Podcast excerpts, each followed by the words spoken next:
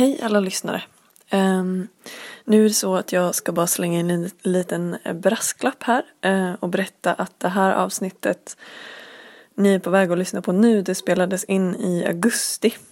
Och det här eh, uh, UN Food Systems Summit uh, mötet hade ännu inte hållits. Men på grund av lite tekniskt krångel så har det här avsnittet behövt vänta. Men vi delar ändå med oss av det här nu på grund av att vi har en väldigt bra gäst med oss som heter Birgitta Hedström och vi diskuterar aspekter av de här frågorna som är aktuella eh, även nu efter det här mötet. Eh, till exempel vem som har makten när det kommer till dataövervakning eh, och ehm, vad problematiken blir när man håller i sådana här eh, möten där det är, inte är folket utan företagen som eh, har problemformuleringsprivilegiet. Så hoppas ni tycker om det. Eh, ha en trevlig lyssning.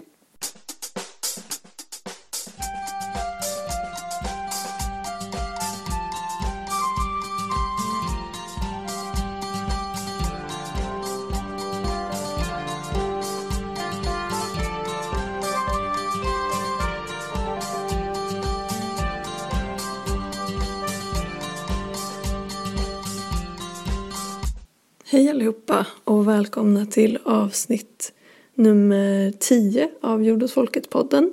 Välkomna. Eh, jag heter Tove. Och jag heter Max. Och idag ska vi prata med eh, Birgitta Hedström. Eh, och Birgitta är aktiv i miljöfrågor i sin hembygd som är Broddetorp som ligger utanför Falköping. Hon är aktiv i Jordens vänners bonde och urfolksutskott Eh, och också i, eh, när det gäller lantbygdsfrågor i stad och landnätverket. Och anledningen till att hon är här idag är för att hon var den som uppmärksammade UN Food Systems Summit helt enkelt och eh, berättade om den för Jonas Vänners styrelse och sa att hon tyckte att de borde jobba med den. Eh, så hon är här idag för att prata lite om det med oss. Precis. Men eh, då tycker jag vi släpper in Birgitta. Då säger vi välkommen till dig då Birgitta. Tack så mycket. Så kul att du är här. Är, är det bra med dig Birgitta? Ja, det är bra med mig. Nu är det skördetid till sist. Nu kan man liksom gå och hämta allt det där som man sådde någon gång i våras. Mm. Och jag har eh, mina barnbarn här också som hjälper mig att skörda. Så nu är det fint. Gud vad bra. Ja. mm. Vad fint. Ja, vi har ju bjudit in dig eh, för att vi vill prata om UN Food Systems Summit. Mm. Som vi precis nu har sagt då i vår introduktion att du var en av dem som uppmärksammade den här frågan i Sverige mm. eh, till Jordens vänner som du är aktiv inom. Vill du börja Birgitta? Vill du berätta mer? Uh, ja. Kanske, hur, hur kom du in på det här från början? Med... Uh, jag kom in på detta därför att jag fick ett mejl. Jag är ju med på olika sådana här listor om matsuveränitet och internationella jordens vänners mejllista och sånt. Då fick jag ett mejl och så läste jag och tänkte att det här behöver jag kolla närmare på.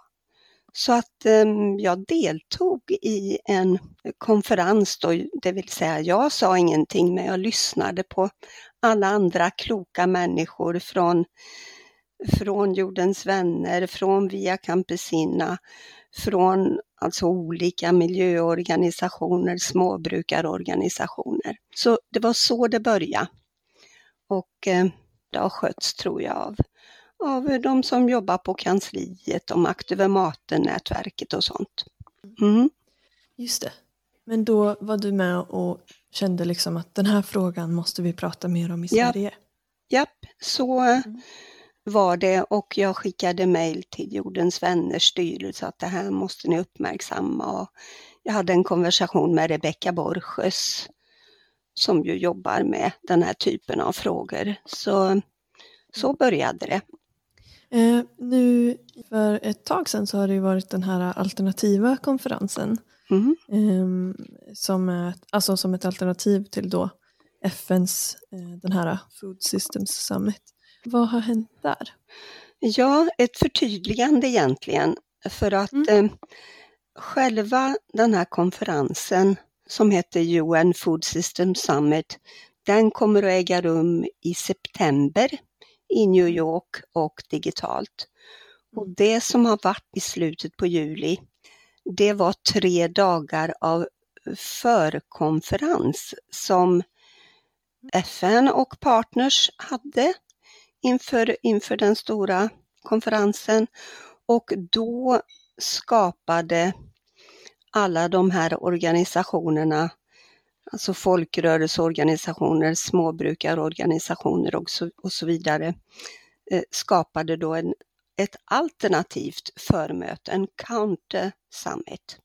Så det är den som de här eh, konferenserna båda två skedde ju i, ja, för en och en halv vecka sedan eller något i den stilen. En motrörelse Ja, alltså? en motrörelse, precis. Och eh, eh, alltså den här, det här matsystemtoppmötet, det har ju tillkommit på initiativ av World Economic Forum som ju då har fått FN med på tåget att anordna ett mattoppmöte. Mm. Och eh, själva grundberättelsen det är ju att världen kommer att befolkas av fler människor. Alla måste få tillgång till mat och detta måste vi ordnas på bästa sätt. Mm. Det är så att säga bakgrunden till det hela. Just det, för vi kanske ska prata om varför vi pratar om det här. Ja, Liksom. Ehm, hur kan man beskriva problematiken, anledningen till varför det finns en motrörelse till den här eh, konferensen i New York som ska vara i september?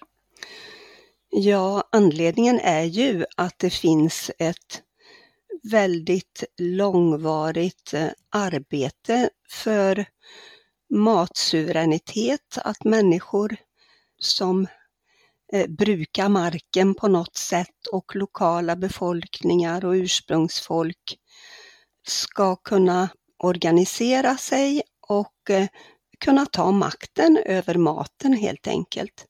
Att kunna påverka vad man vill äta, Eh, att kunna producera maten på det sätt man själv vill och kan i enlighet med ja, traditioner och i, enlighet med den natur man har tillgång till i en relation till den jord och den mark man brukar.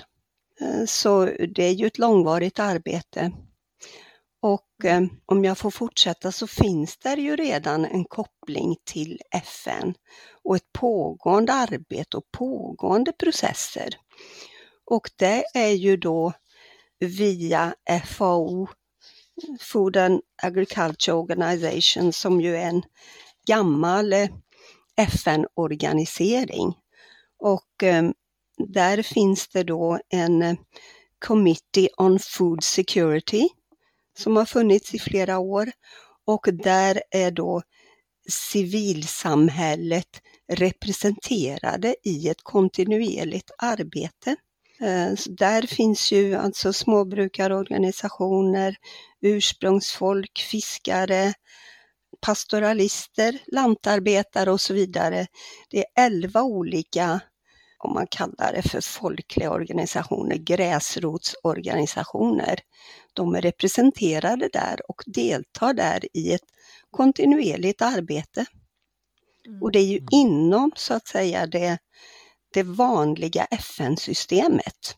Ja, för så, så som jag har förstått det när jag har läst på lite grann är ju att den här konferensen då har fått kritik för att de här grupperna som ingår i det här långsiktiga arbetet inom FN har blivit exkluderade på något sätt ifrån den här stora konferensen. Till att börja med i alla fall. Ja.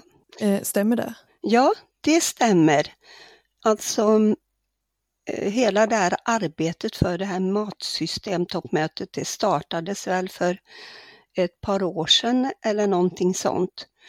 Och eh, i ett tidigt skede så skrev ju jag tror det var 550 organisationer till ledningen för de som hade hand om det här mattoppmötet då, så skrev de att eh, de ville vara med att utforma det här toppmötet då. Mm. Och eh, alltså deras brev eh, negligerades. Alltså alla dessa organisationer som då hade skrivit under ett brev om att vara med och utforma. Och mm. svaret egentligen från ledningen för den här Food Summit, det är ju att eh, ja men det är en open space, här kan alla delta. Mm. Men mm. det innebär ju då att man ska delta på villkor som någon annan uppifrån har bestämt. Och det har ju nu lett då till att eh, de här småbrukarorganisationerna med flera alltså kommer att bojkotta det här mötet helt enkelt. Mm. Mm. Och det är där vi har motrörelsen då? Ja. Just det. Mm. Jag tänker på det här, för det är väldigt eh, bra det du upp till att det är ju ett långt samarbete och kamp för matsuveränitet då kopplat till FN och det var ju i koppling till World Food Summit eh, 1996 som Lavia Campesina lanserade begreppet matsuveränitet. Och eh, ja, samarbetet med FN har ju lett till både den här Voluntary Guidelines on Tenures of Land, Forest och Fisheries, ungefär som den heter. Som ett bra dokument som ja, pratar om många av de sakerna som ingår i matsuveränitet. Mm. Precis som FNs deklaration för småbrukare och andra som bor på landsbygden som kom 2018. Mm.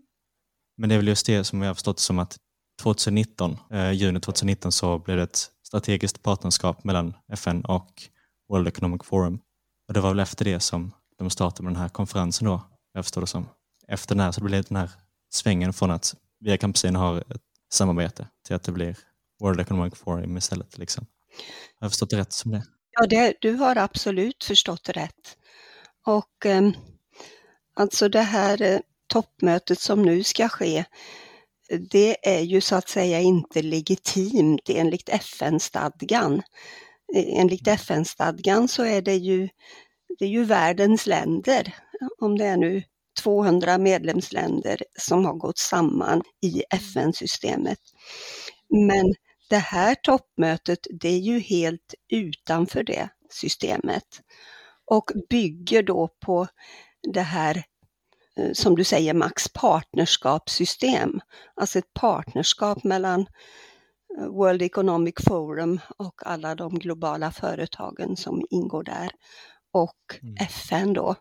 Alltså FN har gått med på att ha det här mötet och eh, regeringarna, världens regeringar, har på något vis tyst, omedvetet eller medvetet gått med på det här mattoppmötet och gått in i de processerna. Mm. Jag vet inte hur många länder det är som tar del av processen men alltså det har inte hörts några stater som har liksom ropat och sagt att nej, nej, nej, det här kan vi inte göra. Mm. mm.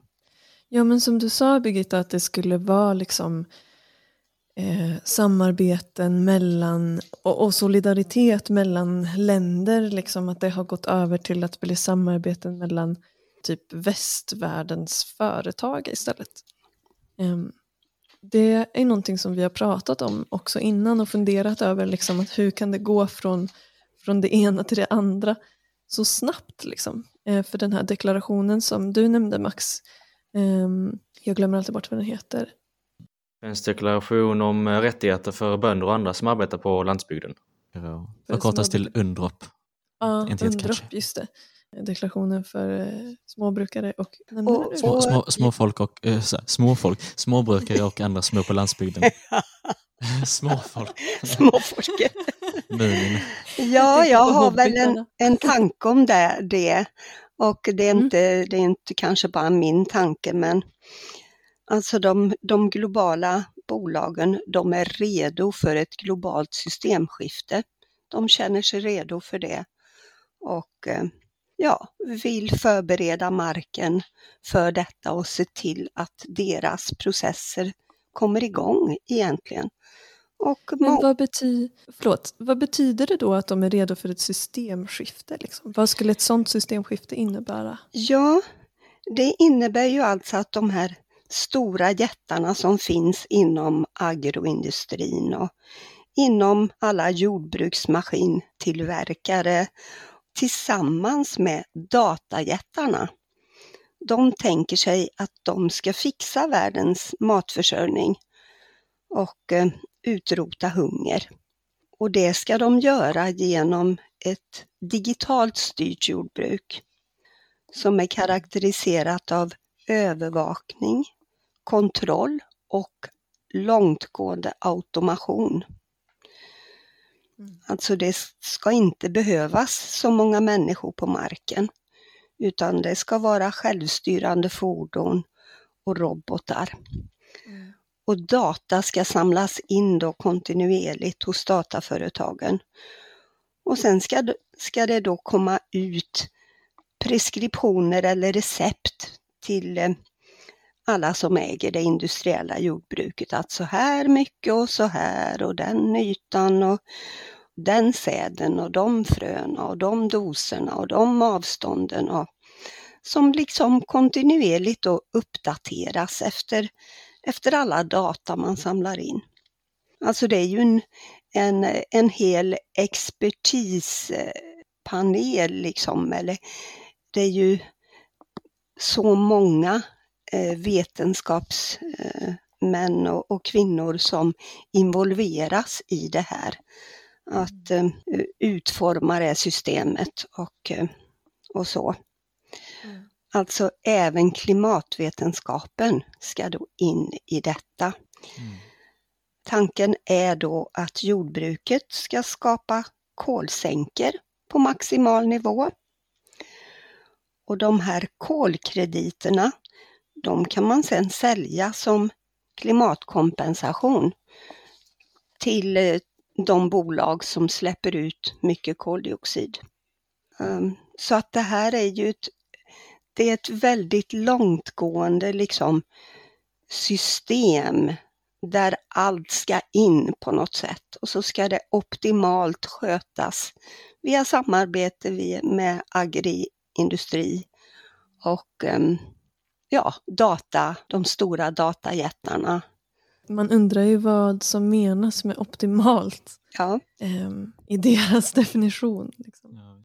Jag tänk, jag, mycket av det här tycker jag påminner väldigt mycket om eh, när jag läst om eh, EUs skogsstrategi. Där det också handlar mycket om monitoring då, eh, eh, övervakning och, och, och så att man ska op- optimera som kolsänkor och sånt där. Liksom. Det är del av samma liksom, tänkande och eh, centraliseringen av makt, makten till institutioner eller rent av till företagen själva eller institutioner som företagen lätt kan kontrollera. ja det där är ju sant Max. Alltså EUs Green New Deal. Det, Mm. det innehåller ju väldigt mycket av det här som jag beskrev alldeles nyss. Mm. och eh, eh, man använder sig av nature-based solutions som ju liksom marknadsförs nu över hela världen. Mm. Alltså allt som kan absorbera koldioxid, så som skogar och som eh, marker och, och så, saluförs som eh, lösningar i klimatkrisen helt enkelt. Så det Mm. blir ju ett helt paket det här. Jag tycker det låter väldigt dystopiskt. Alltså det, det är väl en dystopi ja, som eh, Mm. man vill göra till verklighet här. Alltså det, man kan ju fråga här vad betyder det här för människorna i världen? Mm. Och vad betyder det för makten över vår mat? Precis. Och- Jag tänker också på att just FAO, då, den här FN-organisationen, att de har statistik på det här med matförsörjning globalt och vart vår mat kommer ifrån. Och att eh, om jag inte minns fel så ligger siffran runt 70 procent av den maten som vi eh, liksom lever på globalt. Den kommer ifrån eh, små och medelstora eh, jordbruk. Och det känns ju också konstigt just att man nu går ifrån den statistiken eh, och satsar på samarbeten med då stora företag som, som vill driva den här typen av livsmedelsproduktion istället. Liksom. Mm. Ja. Det, jag upplever det väl som att det är ett, eh, alltså det är ett maktskifte eh, i världen liksom. Mm. Jag tänker det att eh, alltså de, de globala jordbrukskorporationerna och dataföretagen, de har liksom skaffat sig en sån makt att nu kan man gå fram med hela den här idén och väver man in då klimatfrågan i det hela, då kan det se väldigt bra ut och verka väldigt lockande. Mm. Sängen är bäddad liksom ända sedan egentligen innan 90-talet. Um, ehm, för att det här steget slutligen ska ske. Liksom. Och att det ska, den här dystopin då, om man får kalla det så, ska liksom närma sig någon slags något fullbordande. Mm. Jag skulle vilja lägga till en sak som jag blev väldigt eh, förvånad och bestört över. Jag borde inte bli förvånad, men jag förstår att jag har varit naiv. För eh, ni vet vad Stockholm Resilience Center är. Eh, det är ju det här, alltså Stockholm Environment Institute. Det är ju där Johan Rockström har varit chef. Och de har ju gjort väldigt mycket bra arbete som jag tycker då vad gäller klimatet och med planetens gränser och sådana här saker som jag tycker är en väldigt klargörande och bra och inte minst pedagogiskt. Men Alltså Rockström är ju inte kvar på detta centret, men nu är de med som alltså partner i den här UN Food System Summit. Mm Så de inbjöd ju till någon slags dialoger här i Sverige angående mattoppmötet eller inför mattoppmötet. Och där handlade det om globala frågor, alltså hur vi producerar mat i Sverige. Det ingick överhuvudtaget inte i de dialogerna utan det var bara ett globalt perspektiv. Mm. Så jag blev förvånad. Jag borde inte ha blivit förvånad. Men det känns väldigt, eh, det känns väldigt sorgligt. Och, eh, mm. Mm. Översatt som är det väldigt, väldigt mycket vet det, kallar man det, svängande dörrar mellan alla de här olika organisationerna och Stockholm Resilience Center och ja, olika World Economic Forum och de här EAT-Lancet, Vad är den här? Det är de som har gjort den här, eh, det pratas, jag har förstått det som så är det en del om den här dieten som de, som de rekommenderar, den här Eat Lancet-rapporten som pratar om att det, ja, dieten ska se ut på ett visst sätt och man ska äta mindre av ena och mer av det andra. Liksom. En global diet, samma för alla människor i hela världen, vilket är väldigt toppstyrt och världsfrånvänt. Eh, men det är väl stark kopplingar här också. För man ska gå in på det här med veganindustrin också som ju passar perfekt in på den här profilen med att man har det väldigt mycket högteknologiskt eh, och passar perfekt för monokultur av, en, av soja till exempel eller, eller havre och sen har man en produkt som man då eh, patenterar produktionen av. Man har en väldigt billig råvara och sen så säljer man den väldigt dyrt. Eh, och samtidigt som man då säger att det är klimatpositivt, eh, eh liksom, att man, man trycker på att ah, men det är för klimatet. Liksom. Så det är väl en bit av de här väldigt digitala och teknologiska jättarna. Liksom. Mm. Som är ju faktiskt exakt samma företag som de som håller på med den industriella köttproduktionen. Samma ja. företag ofta. Alltså de företagen det? som håller på med både den här veganism marknadskanalen håller också på med industriell köttproduktion? Ja, eh, ofta är det, eller många företag som håller på med kött håller på med det här också för att det är väldigt lukrativt helt enkelt. Man kan ju sälja någonting som är väldigt billigt, väldigt dyrt. Och man kan patentera produktionen på ett annat sätt än kött. Kött är kött, men ifall man kan patentera hur man gör en vegansk tonfisk till exempel, då känner man ännu mer på det. Svängande dörrar. Ja. Det var ett bra uttryck. Säkert är det så. Ursäkta att jag avbryter dig Max, men eh, jag såg ju den här eh, boken angående EAT, ja, EAT-systemet. Den här fina boken eh, som då Johan Rockström har varit med och skrivit i och står som medförfattare till. Och så ihop med paret Stordalen i Norge. Mm. Eh, de här, ja vad de nu är för några, men inte, det är inga småbrukare i alla fall. kan man säga. Alltså en stor fin bok om hur vi ska försörja oss med mat, ja. På det sättet som eh, Max beskriver. Mm. mm. Har du läst den boken? Jag har sett den och bläddrat i den. Ja. Och jag har sagt eh, till mina vänner i Fridays for Future i Falköping, för vi, vi jobbar ju lite brett över hela spektrat med liksom lokal och småskalig mat och, eh, och med klimatfrågan att det här, det här ska vi akta oss för, det här är ingen lösning på klimatproblemet, den är helt annorlunda. Mm. Jag tror, ja, jag har inte lyckats den, bild, den bilden har varit i skuggan för mig. Jag har inte lyckats eh, med det här högteknologiska, liksom stora, monokulturella ja.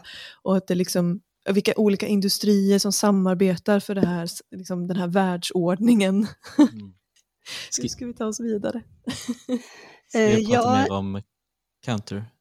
Jag, jag tittade ju på öppningssessionen till den här Counter Summit och ehm, eh, det var ju, eh, alltså det var eh, internationella jordens vänner, det var Via Campesina, det var många olika småbrukare av olika typer och representanter för lantarbetare och eh, ja, det var väldigt varierat. Eh, deltagande i det här. Och eh, den eh, slutsatsen som man drar, eller vad ska vi göra? Ja, vi ska fortsätta med det vi håller på med. Vi ska liksom bygga det småskaliga samhället och det lokala samhället och stå upp för rättvisa. Vi ska arbeta politiskt för rättvisa och alla lokalsamhällens rätt att försörja sig på det sätt som passar just på det stället. Och eh, vi ska fortsätta delta i den processen vi har varit inne i förut med eh, FAO och eh, Committee on Food Security. Fortsätta i det arbetet.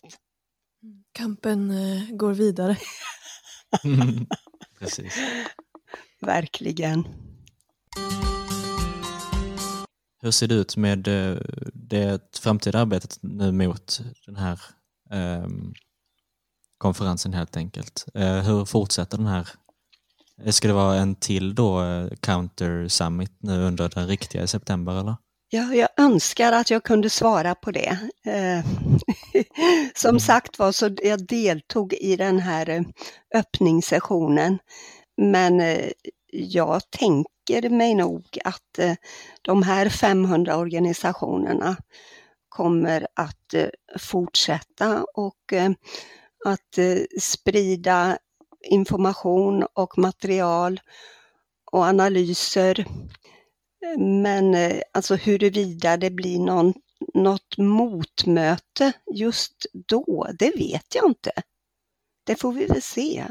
Mm. Eh, det har ju varit, vad jag har förstått det som, så har Via Campesina till exempel gjort sådana motmöten innan okay. vid andra tillfällen. Eh, och haft liksom alternativa samlingar för att, eh, för att visa på ett motstånd liksom, eh, och synas. Mm. Så vi får väl hoppas det. Ja, det hoppas vi på. De kan inte få tala ostörda, de här mäktiga människorna som träffas och ska designa världen i framtiden. Mm. Absolut inte. mm.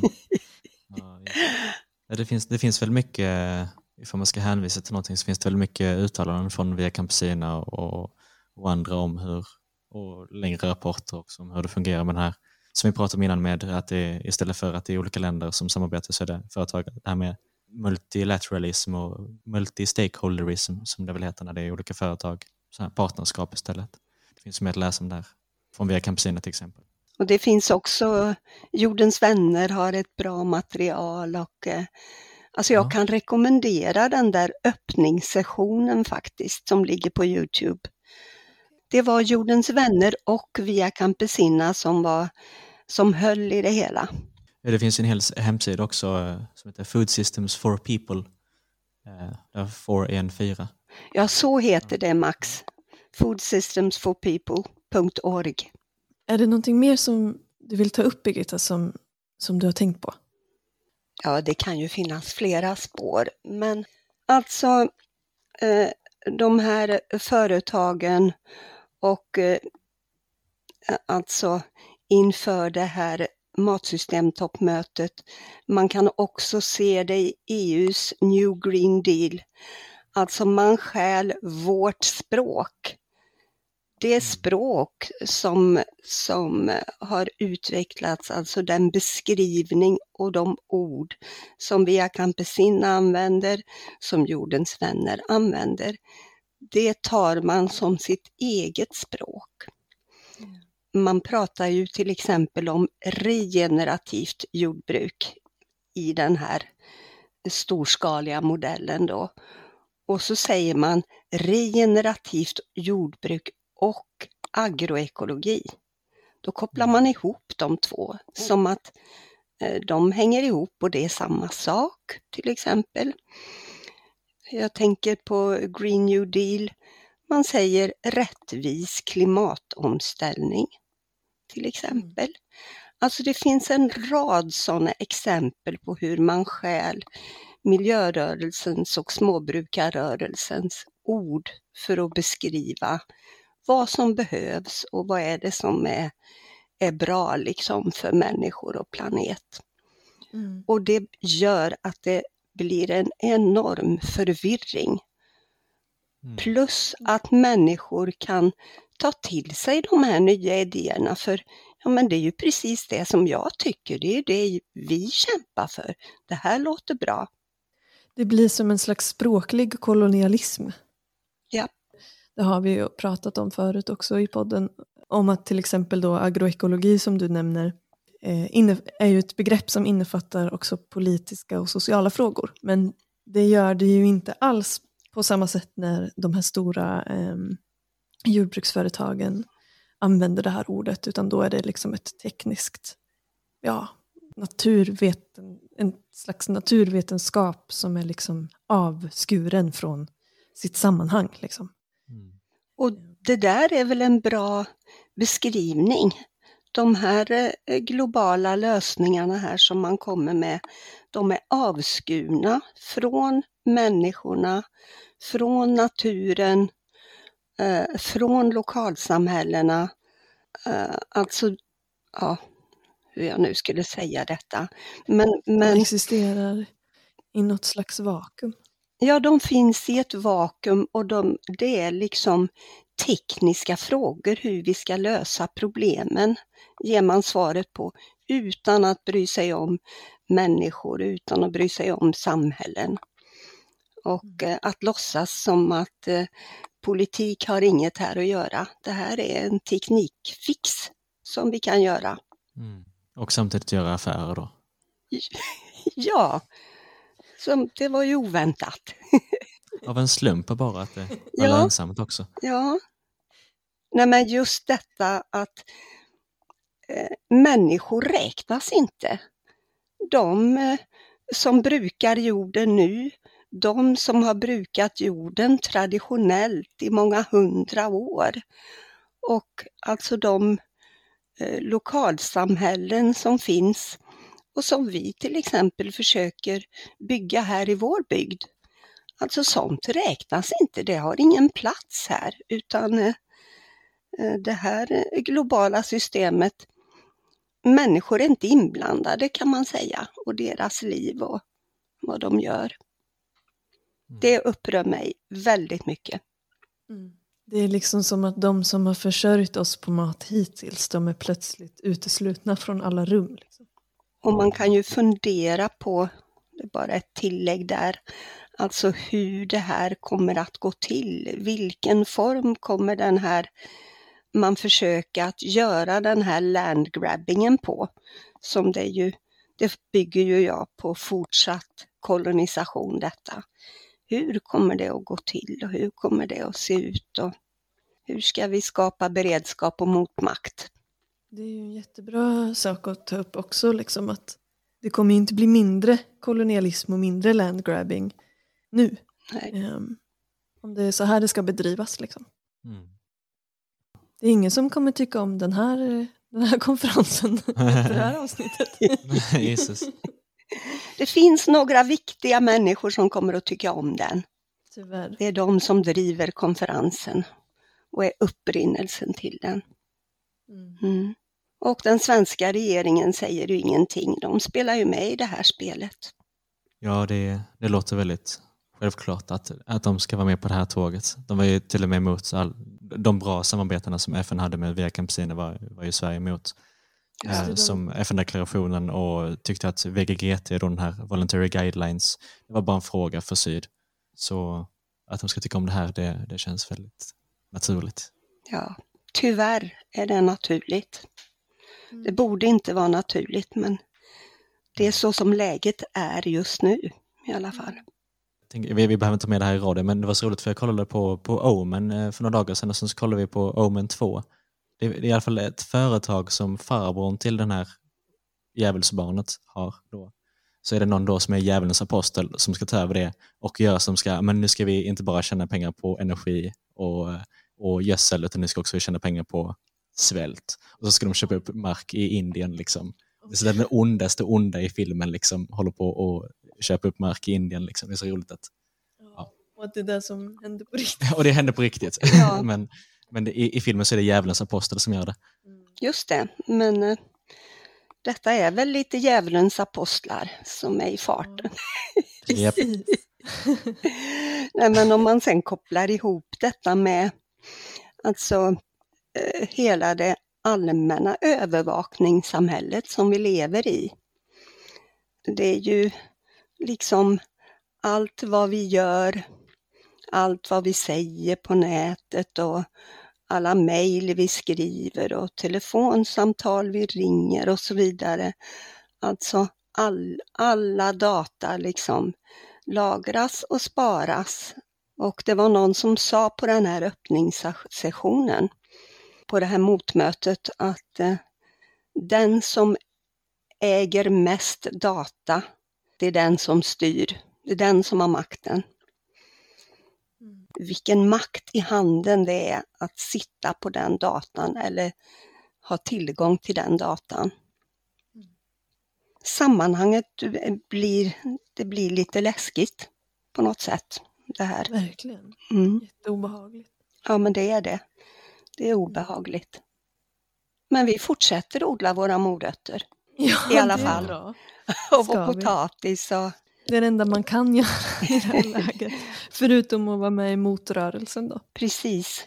Och försöka bygga liksom ett lokalt sammanhang och samhälle som där man eh, känner att man jobbar tillsammans liksom och att vi kompletterar varandra och jobbar tillsammans. Liksom det. Precis. Och samtidigt så väldigt bra med, eh, ja, men med som Nordbruk då som är kopplat till Via Campesina som jobbar ju på de här nivåerna eh, som FN och kan motarbeta och eh, lyfta de här frågorna på det globala planet också. Så det är både det globala och det lokala som är väldigt Ja, viktigt. absolut. Här är det ju nödvändigt att vara i det globala sammanhanget också. Absolut. Ja, för att bygga solidaritet. Ja. Men då kanske vi ska runda av för idag. Eh, Det var väldigt roligt att prata med dig, Birgitta. Mm. Tack så mycket. Ja, tack så mycket. Eh, Det var roligt att prata med er och jag tycker att eh, ni gör ett väldigt bra jobb med de här poddarna och med ert arbete överhuvudtaget. Detsamma. väldigt inspirerande och viktigt. Ja, detsamma verkligen. Och detsamma. Ja, tack, så jättemycket. Vi ses vid annat tillfälle. Ja, Ja, det gör vi. Vi hörs. Hej då!